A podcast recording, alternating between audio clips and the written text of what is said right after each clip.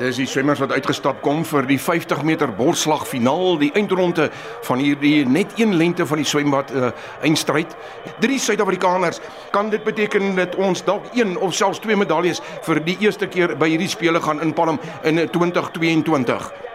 Die swemmers wat gereed maak, hulle gaan hulle plekke inneem daar in Suid-Afrika.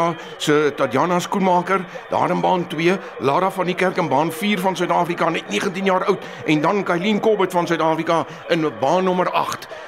Vletjie wat blaas en dan neem hulle hulle plekke in. Kan Suid-Afrika hier ons eerste medalje wen vir vanjaar?